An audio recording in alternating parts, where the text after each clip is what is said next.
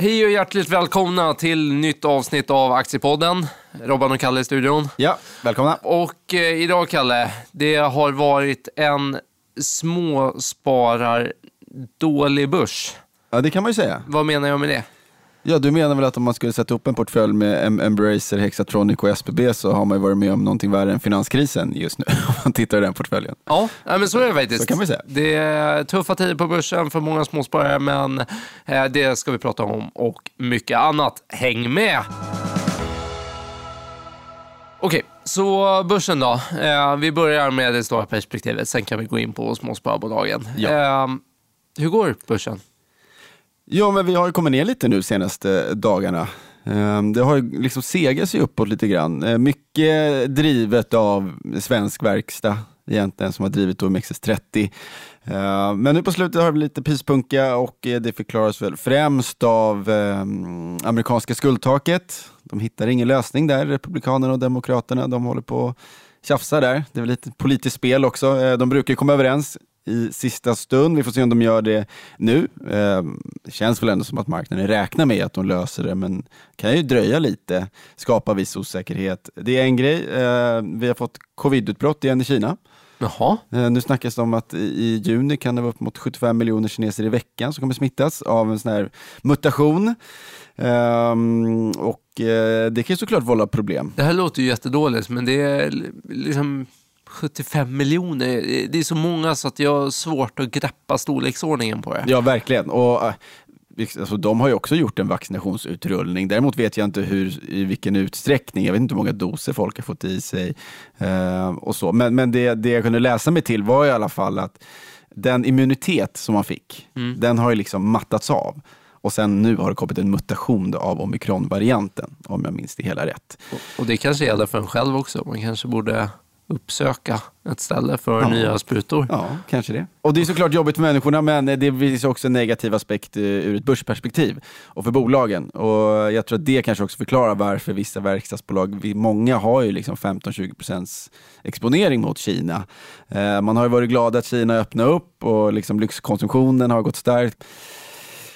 När covid-nyheten då kom ut så var ju de aktierna ner på en gång. Eh, så att allt det här med att Kina skulle börja växla upp, nu börjar man bli orolig för, aha, okej, blir det restriktioner igen nu i landet? Vad händer med den ekonomiska aktiviteten nu när vi räknar med att Kina ska agera draglok när övriga världen liksom går in i en lågkonjunktur så? Så skulle Kina på något sätt hjälpa till där. Så nu finns det frågetecken kring det.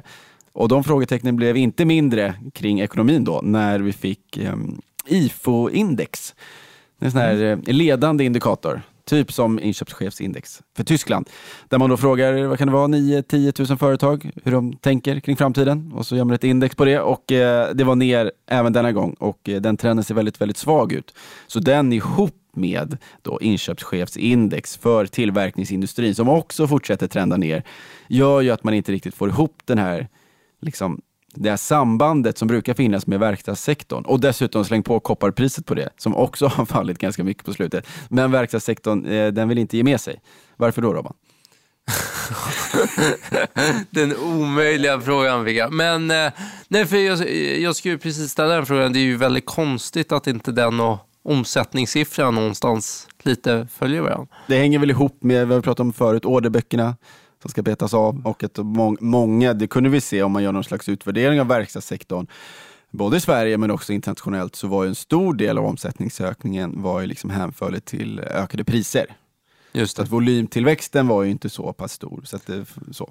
Men, och där kanske, nu är jag ute på lite djupvatten här, men eh, det kanske ändå blir en effekt att orderböckerna har varit stora ju till viss del med de svaga leveranskedjorna som har varit Precis. genom pandemin och Ja. framförallt det nedstängda Kina.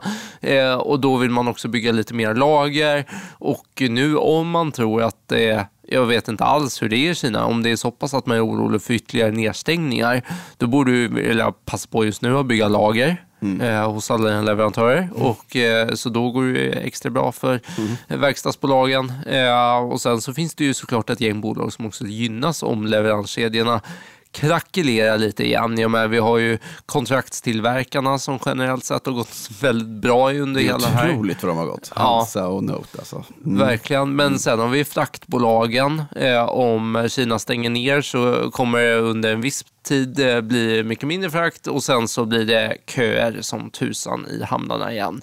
Och då blir fraktraten högre och fraktbolagen tjänar mer pengar. Visst var det så att du köprekade Maersk? Eh, det gjorde jag för ett tag sedan. Eh, Vad var det för rubrik? Med direktavkastning på hur många tusen procent? 33 procent tror jag. Ja, men, det, men, men den kom inte, det var ju ett estimat, men jag tror Ja. bara den kom in motsvarande typ 31 procent. Så det var ju, Ja, ja. Det var ju synd. Eh, men ett par tusen danska eh, var den eh, utdelningen på. Nej men så här supervinst i den sektorn. Jag köprekar faktiskt ett fraktbolag igen här i måndags. Ett Jaha. norskt denna gången. Jaha. Eh, jag vet inte, vi kanske kommer in på det sen. Vi skiter i det just nu. Okej. Eh, Valenius och Wilhelmsen heter det. Ja, ja, just det. Ja. Det sa du ja. Men, eh, men det är ju spännande. Vissa bolag är ju vinnare också på det. Eh, Och eh, det känns som att det kanske blir ett sätt att skjuta den här konjunkturnedgången lite, lite framför sig också. Och sen blir det som Mips när allt kalkylerar och alla står med fulla lager och alla har köpt det de behöver. Eh, Och så går allt åt skogen. Men inte aktiekursen då? I Mips? Nej, det är ju helt, helt sjukt. Alltså relativt vad man läser? Ja, Eh, helt absolut, från toppen, vad var den uppe i? Inte mycket. Men, Ja, men över 500 spänn va? Ja, så, ja mer. Ja, mer. Det står väl 500 spänn nu? Okej, men eh, vad, den stod i 1200 spänn. Ja, exakt. Och nu 500. Men det ser ändå jättedyrt ut. Och det går jättedåligt. Även fast det är ett jättefint bolag i grunden. Eh, Ja, bra ja, innovation. Ja.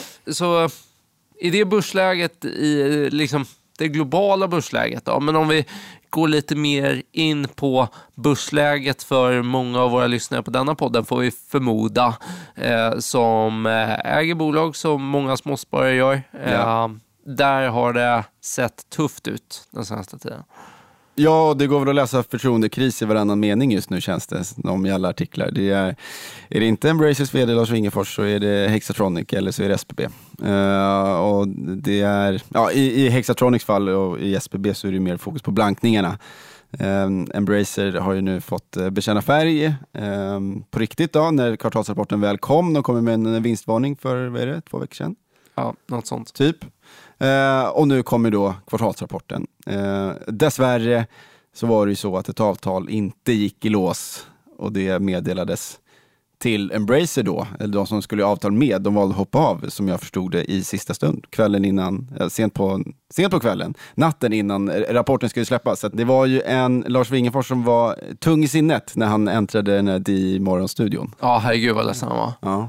Nej, men jag tycker det är intressant med Embracer där. Eh, det här var ju ett jättestort avtal, 21 miljarder kronor på sex år, så är det över 3 miljarder kronor per år.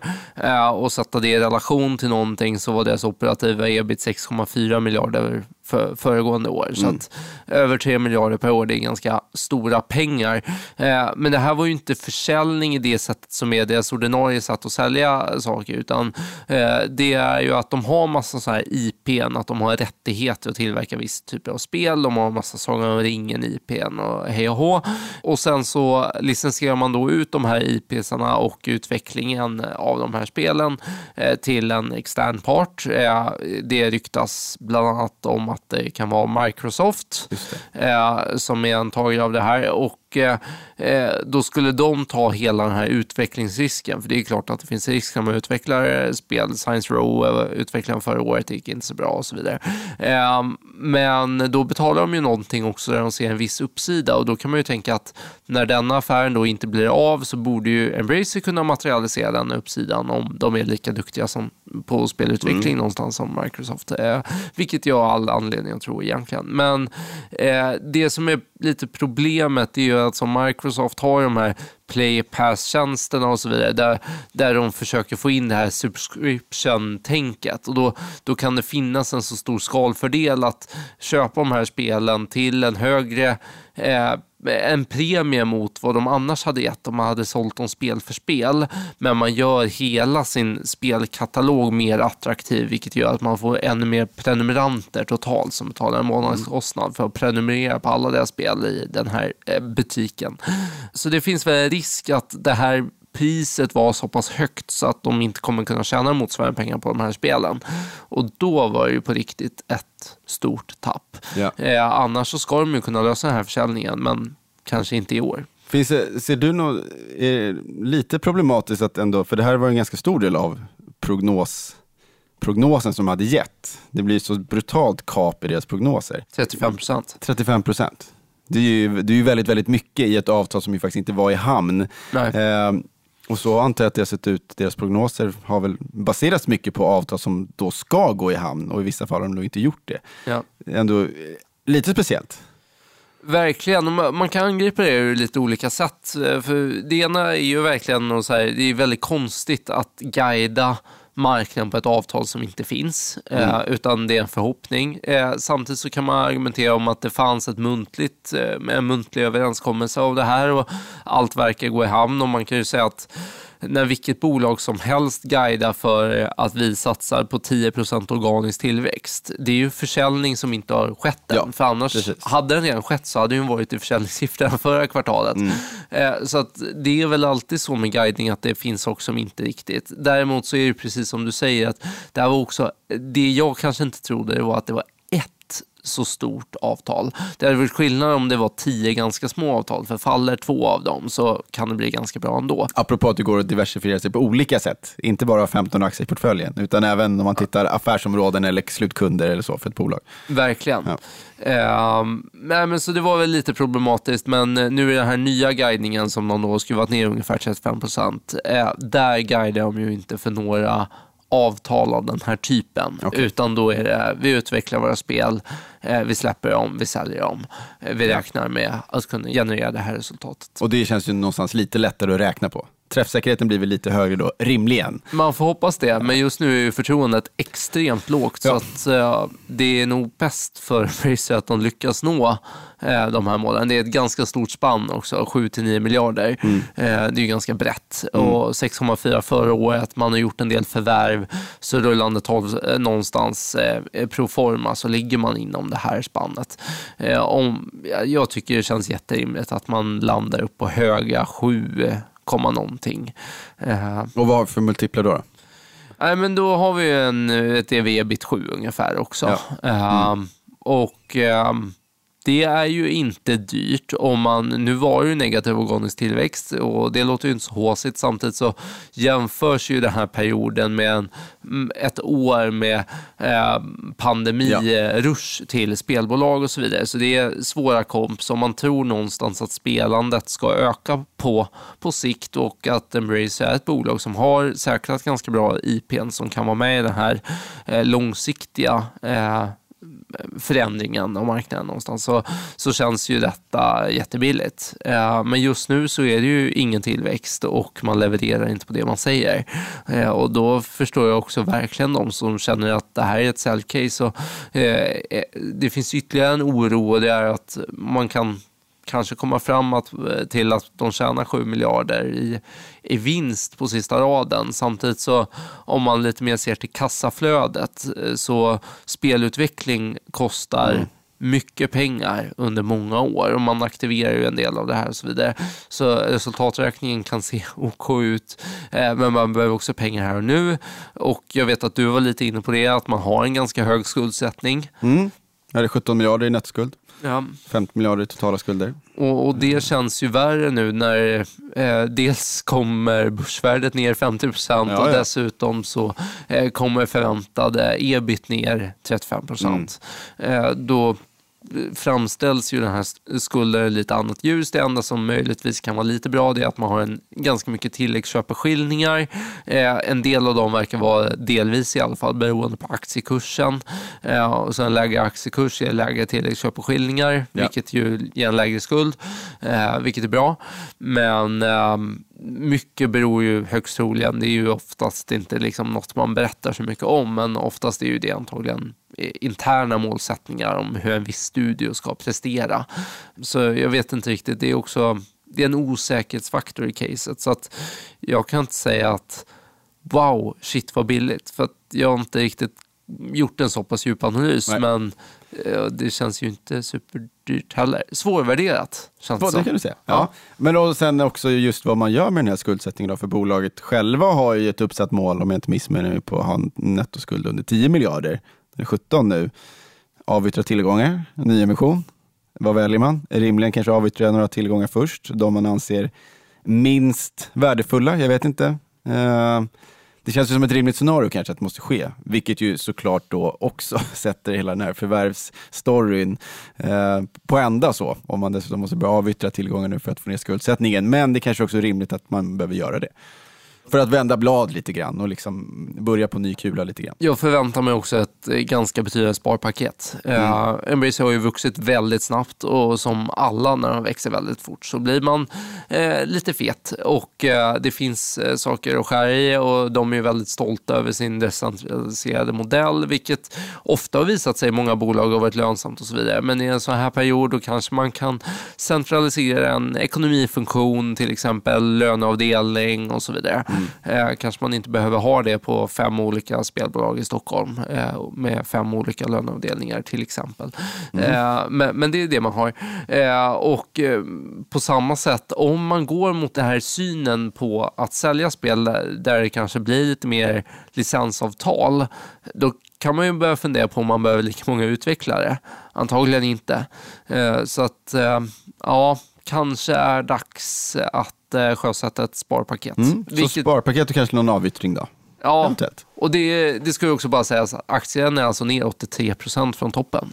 så att eh, alltså. det är nog hög tid med eh, lite åtgärder. Snyggt då, ska vi bara snabbt, eh, vi har gjort en förändring i korta portföljen den här veckan. Vi sålde Europris för två veckor sedan. Ja, var det så nu igen? Shit, Jag tror det var två, Ja. kanske tre. vi kör. Ja. Eh. Ehm, och det gjorde vi egentligen, den stod i drygt 76 spänn.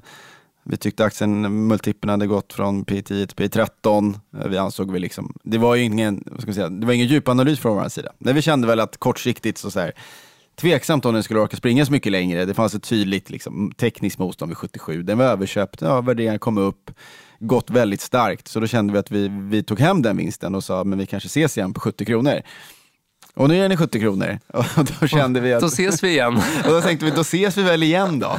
Eh, och just kanske lite grann också med den här på nytt födda konjunkturoron om börs som överlag har gått ganska starkt så känns det inte helt fel att kanske krypa tillbaka till någonting som, eh, som man kan hålla i när det blåser. Verkligen. Eh, och det har ju varit en trotjänare för portföljen förut, det har gått väldigt bra. Eh, så vi kände väl att det vi hade i kassan, det var knappt 3% va? Ja, Ja. något sånt. Något sånt. Det åkte in i Europris igen. Så att kring var det, 70 och 50 eller vad det blev. Ja, Ja. Kul. Men eh, om vi bara snabbt tar Europris för de som inte har hängt med i podden så länge. Ja, det är sant. Det är bra. Vad, vad är Europris för bolag? Det kan väl närmast liknas vid ett Ö och B. Eh, men lite så här dagligvaruhandel, men mer åt Ö och B-hållet. Då. Eh, så. Och det här är ju för någonstans, så visst, vi tyckte att i absoluta tal så var det ganska dyrt, men jämför med ett Axfood exempelvis, eh, och har ju lite liknande drag då, att det är ju ganska, väldigt konjunkturokänsligt. Titta historiskt och se på Europris intjäning över en konjunkturcykel, så ser man att det är väldigt stabilt eh, och liksom relativt fin lönsamhetstrend och, och sådär. Och då, ja, ett psyk, ocykliskt eh, stabilt bolag med, en- med en hög direktavkastning till en låg värdering. Lite grann. Det var en bra pitch. Det Ja. känns som något man äga. Och Ja. Särskilt i portföljen nu med lite stökig börs. Ja, och jag vet, vi har haft, det låter ju kanske lite osexigt, men eh, vi hade den grafen förut vet jag. Ta bara totalavkastningen på den aktien och sätt det i relation till Oslobörsen. Så ser du att det är inte så tråkigt. Nej. Nej. Det är hög totalavkastning, det gillar vi. Ja. Eh, men eh, grymt, Kalle. Rapportsäsongen har väl ändå, får man säga, tagit slut nu. ja, Det, är lite vinklippta Ja. efter den. det var en ett tufft avslut på den. Det kändes så bra, Ja, men nu känns det inte lika bra. nu känns det inte lika bra. Nej. Men vi kämpar på. vi kämpar på. Det gör vi. Och eh, vi, oss hör ni igen om eh, två veckor. Och eh, fram till dess så får ni följa vårt kämpande på aktiespararna.se. Eh, vi hörs och ses. Det gör vi. Hej hej!